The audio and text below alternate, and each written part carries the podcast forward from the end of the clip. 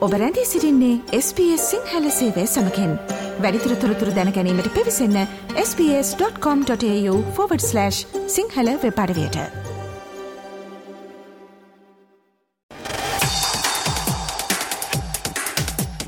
ජයපරාජය මැදින් ගලා යන සබ්දින කෙලිබිලේ උණුසුම. SBS සිංහලකුවන් විදිලියේ සතියේ ක්‍රීඩා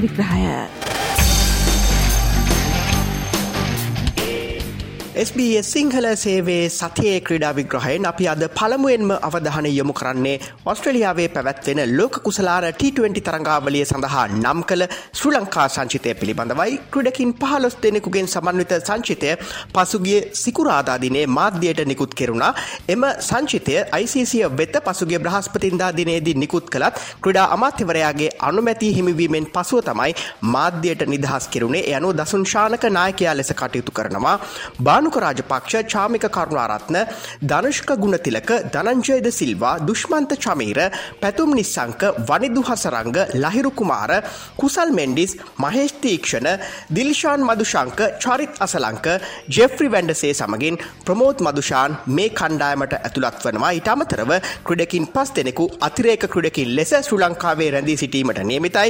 එයනු ආසියානු කුසලාන ක්‍රිකට් තරංගාවලට එක්වුණු අසිත ප්‍රනාාන්දු නුවන් තුෂාර සමගින් මති සතීෂ පතිරණ මේ සංචිතයට ඇතුළත් වන්නේ නැහැ. කෙසේ වෙතත් දුෂ්මන්ත චමීර සහ ලහිරු කුමාර තරංගාවලියට පිටත්වයාමට පෙර ශාරීරික යෝග්‍යතා පරීක්ෂණයකින් සමත් වී යුතුයි. ඔවුන් තමයි ශ්‍ර ලංකා කණ්ඩාමේ සිටින්නේ පැයට කිලෝමිට එකසේ හතලිස් පහකට වඩා වැඩිවේගෙකින් පන්දු යවිය හැකි කෘඩකින් ලෙස. එය අනුව මේ ඔස්ට්‍රලයානු තනතිරුවල ඔවුන්ගේ කාර්යභාරය තාමත්ම වැදගත්වන බවයි තේරීම් කමිටුව සඳහන් කරන්නේ. ඒවගේ මංක තුන සහ හතර පිතිකරන ස්ථාන සඳහා ධනුෂ්ක ගුණතිලක චරිත් අසලංක සහ සහ ධනංජයද සිල්වා අතරින් දෙදෙනෙකුට පමණක් අවස්ථාව හිමිවන බවයි වාර්තාවන්නේ මේ වන විට ශ්‍ර ලංකා සංචිතය SSC ක්‍රඩාංගනයේදී තමන්ගේ මූලික පුහුණුවීම් කටයුතු ආරම්භ කර තිබෙනවා.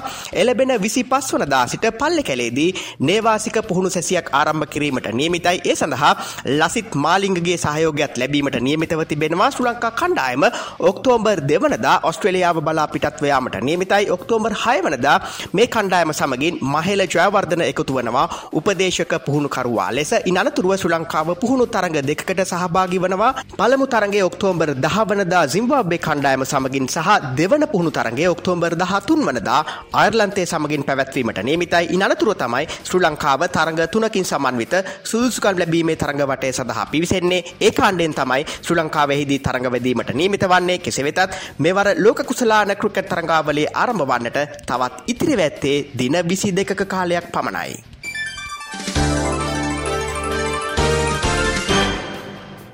අටවන වතාවට පැවැත්වෙන ආසියානු කුසලාන කාන්තා ක්‍රිකට් තරඟාවලියට සහභාගී වන පහලොස් දෙනෙකුගෙන් සමන්විත ශ්‍ර ලංකා සංචිතය පසුගේදා නම් කලා චමරි අතපත්තු තමයි ශ්‍ර ලංකා කණ්ඩායමේ නායකත්වයට පත් කර තිබෙන්නේ. මේ තරඟාවලිය ඔක්තෝම්බර් පලවනදා සිට පහළොස් වනදා දක්වා බංගලාදේශීදී පැවැත්වෙනවා. සත්කාරක බංගලාදේශය සමගින් ඉන්දියාව මැලේසියාව පාකිස්තානය ශ්‍ර ලංකාව තායිලන්තේ සහ එක්සතරාබේමි රාජ්‍ය මෙවර තරඟාවලියට එකතු වනවා. බංගලාදේශය තමයි අවසන් වතාවට පැවැත්වුණු පවත්වුණු තරංගාවලියේ ශුරතාව හිමි කරගත්තේ සමස්ත තරංගාවලිය පුරාවටම තරඟ විසි හතරක් පැවැත්වීමට නියමිතව තිබෙනවා. එය අනුව ශ්‍ර ලංකා කණ්ඩායම තරංගාවලිය ආරම්භ කරමින් ඔක්තෝබර් පලවනදා ප්‍රබල ඉන්දිය කණ්ඩායම සමගින් තරඟ වැදීමට නියමිතයි. මුලික වටේදී ශ්‍ර ලංකාවට තරඟ හයක් හිමි වී තිබෙනවා. එය අනුව තරංගාවලියේ අවසන් මහා තරගය ඔක්තෝම්බර් පහළොස්සනදා පැවැත්වීමට නියමිතව තිබෙනවා. මේ අතර ශ්‍ර ලංකා ක්‍රිකට් ආයතනය ජනාධිපතිවරයා වෙත ඇමරිකානු ඩොර ලක්ෂ පහක පරිත් පරිත්‍යාගයක් සිදු කර තිබෙනවා පිළිකා රෝහලට ලබා දෙන පරිත්‍යාගයක් ලෙස ඊට අමතරව පසුගේදා ආශ්‍රයානු කුසලාන නෙට්බෝල් තරංගාවලියේ ශුරතාව හිමිකරගත් ශ්‍රී ලංකා කණ්ඩායමටත් එක් ක්‍රීඩිකාවකට රුපියල් මිලියන දෙකක මුදලක් ත්‍යාග වශයෙන් පිරිනැමීමටත් ශ්‍රී ලංකා ක්‍රිකට් ආයතනය ඉදිරිපත් වී තිබෙනවා.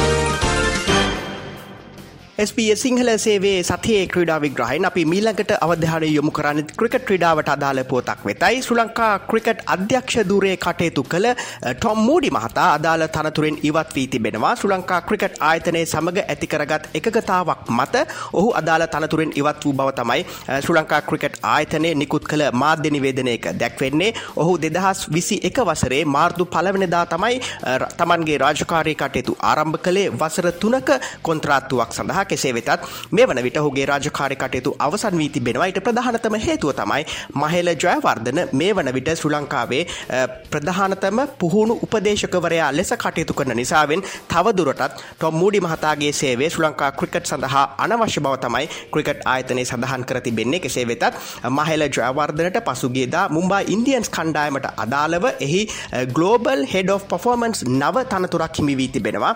මේ කාර්ය බහුල තත්වය යටතේ වුවත් ඔහු ශ්‍රී ලංකා ක්‍රිකට් දියුණුව වෙනුවෙන් කටයුතු කරන බවයි ශ්‍රී ලංකා ක්‍රිකට් සභාපතිවරයා සඳහන් කරන්නේ වගේම ආසියන කුසලාන ක්‍රිකට් තරංගාවලියේ සාර්ථකත්වය පිටුපස සිටි ප්‍රධානතම සාධකය මහිල ජයවර්තන බවයි ශ්‍රී ලංකා ක්‍රිකට් සභාපති ශම්මිසිල්වා මහතා මාධ්‍යයට සඳහන් කර සිටියේ. මහිලව ගත්තේ කෝච් හැටියට ඇමටුවර එකම යන්න නෙමෙයි. හැබැයි අපිට කියන්න පුළුවන් මේ මේ ක්‍රිකට් එකේ අපේ උඩට එන එකේ එක හේතුවක් තමයි මෙතන මහේල සිටීම. මහේල ඇත්තටම හැංගිලා කරන රෝල් එකක් වගේ තමයි කරන්නේ. මොකද මහේල හැම එකටම ඉන්වෝල්ව් වෙලා සිලෙක්ෂන් ස්ට්‍රැටජිස් ඒවා ඔක්කොටම ඉන්වෝල්ව් වෙන්නේ මහේල ඉන්වෝල්ව් වෙනවා. ජූනියර් ක්‍රිකට් එකේ ඉඳලම අපි ඉම්ප්‍රූව් වෙලා තියෙන්නේ සෑහෙන්න දැන් වර්ල්ඩ් එකේ. ඒ ඔක්කොම මහේලගේ ලොකු කන්ට්‍රිබියුෂන් එකක් තියෙනවා. ඉතින් අපිට එයා මොම්බයි ගියා කියලා අපි ඩිසයිඩ් කරලා තියෙන එයාව කන්ටිනියු කරගෙන යනවා. ඉතින් එයාගෙන් අපිට ලොකු සේවයක් වෙනවා මහේලගේ දැනුම.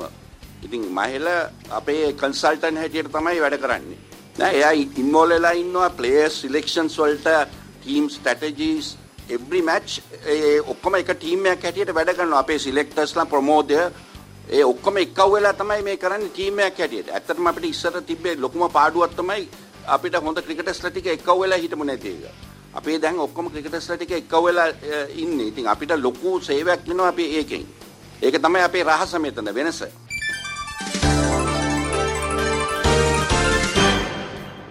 ලබන වසරේ ජනවාරි මාසයේ ප්‍රථම වතාවට පැවැත්වෙන දකුණු අප්‍රිකානු T20 ලී ක්‍රිකට් තරඟාවලියේ ක්‍රීඩක වෙන්දේසය පසුගේදා පැවැත්වුණා. මෙහිදී ශ්‍රී ලංකාවේ ක්‍රීඩකින් තුන්දෙනෙකුට අවස්ථාව උදා වුණා. මේ තරඟාවලිය නියෝජනය කරන්නට මහේෂ් තීක්ෂණ මේ වෙන්දේසිට කලින්ම ජොහැනස්බර්ග් සුපර් කිංස් කණ්ඩායම විසින් මිලදීගෙන තිබුණා. ඊට අමතරව කුසල් මෙන්ඩිස් ඇමරිකාන් ඩොලර් 24000ක මුදලකට ප්‍රිටෝරියා කැපිටල්ස් කණ්ඩායම මිලදී ගත්තා. දිල්ෂාන් මදුශංකව ඇමරිකාන් ඩොලර් 15000ක මුදලකට ඩර්බන් සුපර්ජයින්ස් කණ්ඩායම විසින් මිලදීගෙන තිබුණා. කණ්ඩායම් හයක සහභාගිත්වයෙන් පැවැත්වෙන මේ තරඟාවලිය සඳහා මුම්බා ඉන්දියන්ස් කේප් ටවුන් කණ්ඩායම ඉදිරිපත් වී සිටිනවා. එහි ප්‍රධානයා ලෙස කටයුතු කරන්නේ මහල ජයවර්ධනයි. කෙසේ වෙතත් එම කණ්ඩායම විසින් කිසිදු ශ්‍රී ලාංකිකයෙකු මිලදී නොගැනීම පිළිබඳවත් සමාජ මාධ්‍ය ඔස්සේ කතාබහක් ඇති වී තිබෙනවා. මේ අතර මහේෂ් තීක්ෂණට ඔහු සේවය කරන ශ්‍රී ලංකා යුද හමුදාව විසින් උසස් වීමක් ලබා දී තිබෙනවා. ඔහුව සාජන් ධූරය සඳහා උසස් කළ බවයි යුද හමුදාව සඳහන් කරන්නේ. කරන්නේ ඊට අමතරව ආසියානු කුසලාන දැල්පන්දු තරංගාවලිය නියෝජනය කළ ශ්‍රී ලංකා යුද හමුදාවේ ක්‍රඩිකාවන් කිහිප දෙනෙකු වෙතත් උසස් වීම් ලබා දුන් බවයි ශ්‍රී ලංකා යුද හමුදාව සඳහන් කරන්නේ.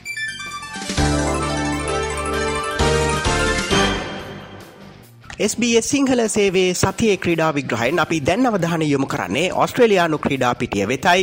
දහ නමවන වතාවට පැවැත්වෙන ලෝකශූරතා කාන්තා පැසිපන්දු තරංගාවලිය ඊය දිනේදී ඔස්ට්‍රලියාවේ සිද්නි නුවරදී ආරම්භ කෙරුණා. මේ සඳහා රටවල් දොළහක් සහභාගී වී සිටිනවා. මෙහිදී සඳහන් කරන්නට ඕනේ බී කාණ්ඩෙන් තමයි සත්කාරක ඔස්ට්‍රලියාව තරංගාවලියට එකතු වන්නේ. සර්බියාව ප්‍රංශය ජපානය මාලි රාජ්‍යය සහ කැනඩාව බී කාණ්ඩයට ඇතුළත් වනවා. ලෝකශූර ඇමරිකා එක්සත් ජනපදය තරඟ වදින්නේ ඒ කාණ්ඩයෙන්. මෙහිදී මේ තරඟාවලියේ ශුරතාව හිමිකරගන්නා කණ්ඩායමට දෙදහස් විසි හතර පැරිස් ඔලිම්පික් තරඟාවලිය සඳහා රිජුවම සුදුසුකම් ලැබීමේ අවස්ථාව උදාවනවා. තරඟාවලියේ අවසන් මහා තරගය ඔක්තෝම්බර් පලවනදා පැවැත්වීමට නියමිතයි.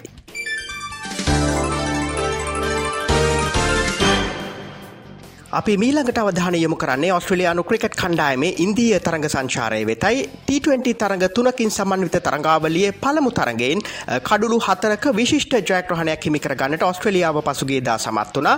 ඉන්දියාව පළමුවෙන් පන්දුර පහරදී කඩුළු හයකට ලකුණු දෙසිය අටක් ලබාගත්තා හර්දික් පන්ඩිය ලබාගත් ලකුණු තිස්ස එකත් සමගින් පිළිතුරු ලෙස ඔස්ට්‍රලියාව පන්දුවර දහනමයයි පන්දු දෙකක් තුළ කඩුළු හයක් බිඳ වැටි ජයග්‍රහයි ඉලක්කය පසුකර යන්නට සමත් වනා කැමරන් ග්‍රීන් ලකුණු හැට එකක් සහ මැතු වේඩ් ලකුණු හතලිස් පහක් ලබා ගනිමින් ඔස්ට්‍රලියාව ජයග්‍රහණය කරා රැගෙන ගිය. තරංගාවලියේ දෙවන තරගේ අද දිනේදී පැවැත්වීමට නියමිතයි. මේ අතර ඔස්ට්‍රලයානු T20 කණ්ඩායම නියෝජනය කිරීම සඳහා මෙවර ලෝක කුසලාන තරංගාවලියට නම් කළ ටිම් ඩේවිඩ්ගේ පළමු ජාත්‍යන්තර තරංගාවලිය තමයි මෙහිදී පැවැත්වනේ හිදි ඔහු පළමු තරගේදී ලකුණු දහ අටක් ලබාගත්ත හිදි සඳහන් කරන්නට ඕන කාරණාව තමයි ඔහු මීට පෙර සිංගප්පූරු කණ්ඩායම නියෝජනය කරමින් ජාත්‍යන්තර තරඟ දා හතරකට සහභාගි වී තිබෙනවා. ඔස්ට්‍රලියාව නියෝජනය කරන පළමු අවස්ථාව ලෙසයි මේ වාර්තා පොත් අතරට එකතු වන්නේ. ඒ සමගින් SBS සිංහල සේවේ සතියේ ක්‍රීඩා විග්‍රහයෙන් අදට අපි සමුගන්නවා හමුවමු ලබන සිකුරාදාත් සුපුරුදු වේලාවට එතෙක් ප්‍රාර්ථනා කරනවා ජයග්‍රාහි සතියා. මේ වගේ තවත්තොරතුරු දැනගන්න කැමතිද. එහෙමනම් Apple podcast Google podcast Spotify ඔබගේ පොඩ්කාස්ට ලබාගන්න ඕනෑම මාතයකින් අපට සවන්දය හැකේ.